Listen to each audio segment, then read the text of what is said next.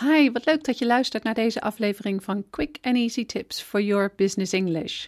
Vandaag ga ik het met je hebben over hoe je het beste kunt omgaan met kritiek in het Engels. Mijn naam is Anneke Drijver van Improve Your Business English en de auteur van het boek Master Your Business English: Communicate with Power in 7 Simple Steps. Ik help ondernemers en doelgerichte professionals van hun middelbare school Engels af, zodat ze ook internationaal met impact en vol zelfvertrouwen in het Engels kunnen communiceren.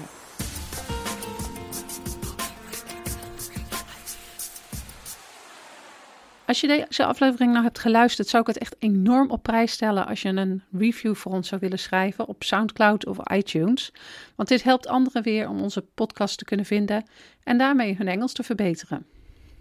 Kritiek is iets waarmee we allemaal te maken krijgen. Bijvoorbeeld tijdens een presentatiebeoordeling waarin je baas je werk bekritiseert of in vergaderingen waar je ideeën bekritiseerd worden. Het kan zelfs voorkomen in de personeelsruimte of aan de telefoon. In dezelfde situaties kun je natuurlijk ook complimenten krijgen, maar het is vaak de kritiek die ons bijblijft.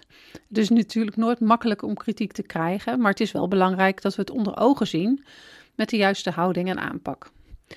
Om te beginnen moet je nadenken over de situatie en de bron. De situatie kan formeel zijn, zoals bij een evaluatieproces, of het kan informeel zijn, zoals in de personeelsruimte. Ook de bron kan verschillen. In een formele setting zal het vaak een meerdere zijn die kritiek levert, terwijl in een informele setting de kritiek van iedereen zou kunnen komen. Het is belangrijk om de situatie en de bron te achterhalen, want dat kan helpen bij het bepalen of de kritiek constructief of destructief is. Een voorbeeld van destructieve kritiek is: The report you made was bad and I didn't like it. Een voorbeeld van constructieve kritiek: The report you made could do with some changes. Improve the grammar and be more elaborate. Veel kritiek is bedoeld om ons te helpen, te verbeteren en op een positieve manier te veranderen. Constructieve kritiek is noodzakelijk en soms ben je ook zelf vereist om dit soort kritiek te leveren. Destructieve kritiek is soms persoonlijk en is meer bedoeld om mensen pijn te doen in plaats van ze te helpen. Het is belangrijk dat je kunt omgaan met beide vormen natuurlijk. Eigenlijk zouden je houding en aanpak niet echt moeten verschillen per kritiek, of het nu constructief of destructief is. Het beste wat je kunt doen, ongeacht de situatie, is een vraag stellen. Als je baas bijvoorbeeld aangeeft dat je meer initiatief zou moeten tonen, kun je vragen: Could you give me an example of a situation where I should take Could you give me an example of a situation where I should have taken more initiative? En als een collega je destructieve kritiek geeft door te zeggen dat je presentatie slecht was, kun je vragen: What do you think I need to do better? Door vragen te stellen laat je zien dat je de kritiek serieus neemt en je kunt hiermee de destructieve kritiek bestrijden. Je laat zien dat je hoe dan ook professioneel blijft en dat is altijd goed. Zodra je emotioneel reageert, kan dit overkomen als onzeker of verdedigend en dat wil je natuurlijk voorkomen, want dat kan ruzies veroorzaken. Denk na over de resultaten, neem dingen niet persoonlijk op en beschouw je werk objectief. Er is altijd ruimte om te verbeteren. Een ander belangrijk onderdeel van het beoordelen van kritiek is de geldigheid ervan, of de kritiek gegrond en redelijk is. Soms weet je dat kritiek geldig is als je het al eens eerder hebt gehoord. Ook is geldige kritiek vaak beperkt tot details. Ik zal een voorbeeld geven waarin je het verschil kunt horen. Ongeldige kritiek kan zijn: You work too slowly. Geldige kritiek klinkt meer als volgt: You need to pick up the pace because you've delivered past reports late. Je kunt ook nog steeds vragen stellen om erachter te komen of de kritiek geldig is of niet.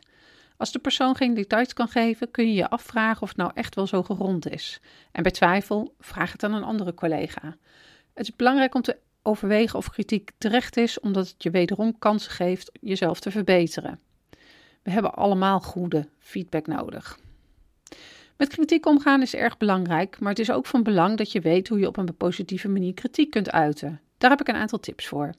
Identificeer is het gedrag dat je wilt bekritiseren. Probeer eerder kritiek te geven op een actie dan op een persoon zelf. Maak het specifiek. Probeer de woorden nooit en altijd te vermijden. Zeg in plaats van You always miss deadlines, bijvoorbeeld You missed the September 18th deadline and that caused some troubles. Geef kritiek op iets waarvan je zeker weet dat het veranderd kan worden. Buitenlandse accenten of andere uitzonderlijke dingen kunnen niet altijd veranderd worden en kritiek op, erop zal niet helpen. Gebruik I am we om te benadrukken dat je het probleem samen wilt oplossen, in plaats van constant you te gebruiken. Luister maar naar het verschil. The problem was caused because you handed the assignment in too late and you should really look into that. Versus I noticed you handed in the assignment too late and maybe we should take a look at how we can avoid this in the future.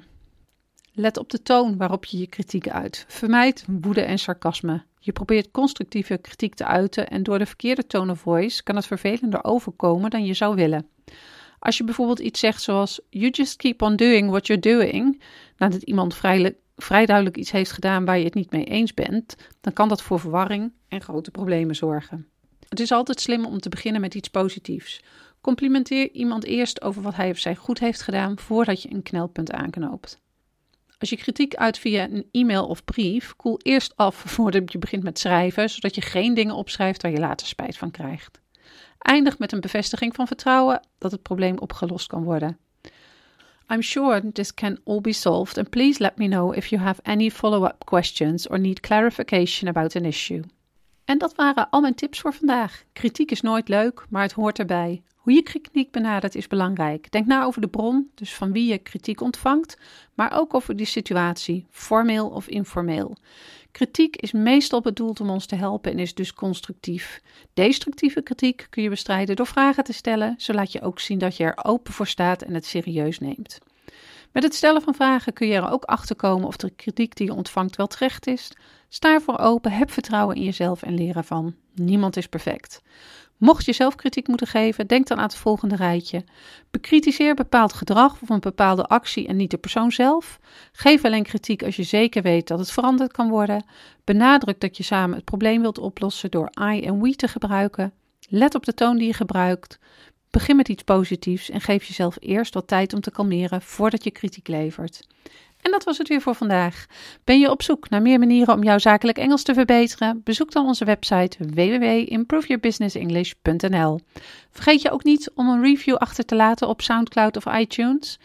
In de volgende podcast zal ik het hebben over hoe je om details kunt vragen in het Engels. Dus vergeet je niet te abonneren op onze podcast op SoundCloud of in iTunes.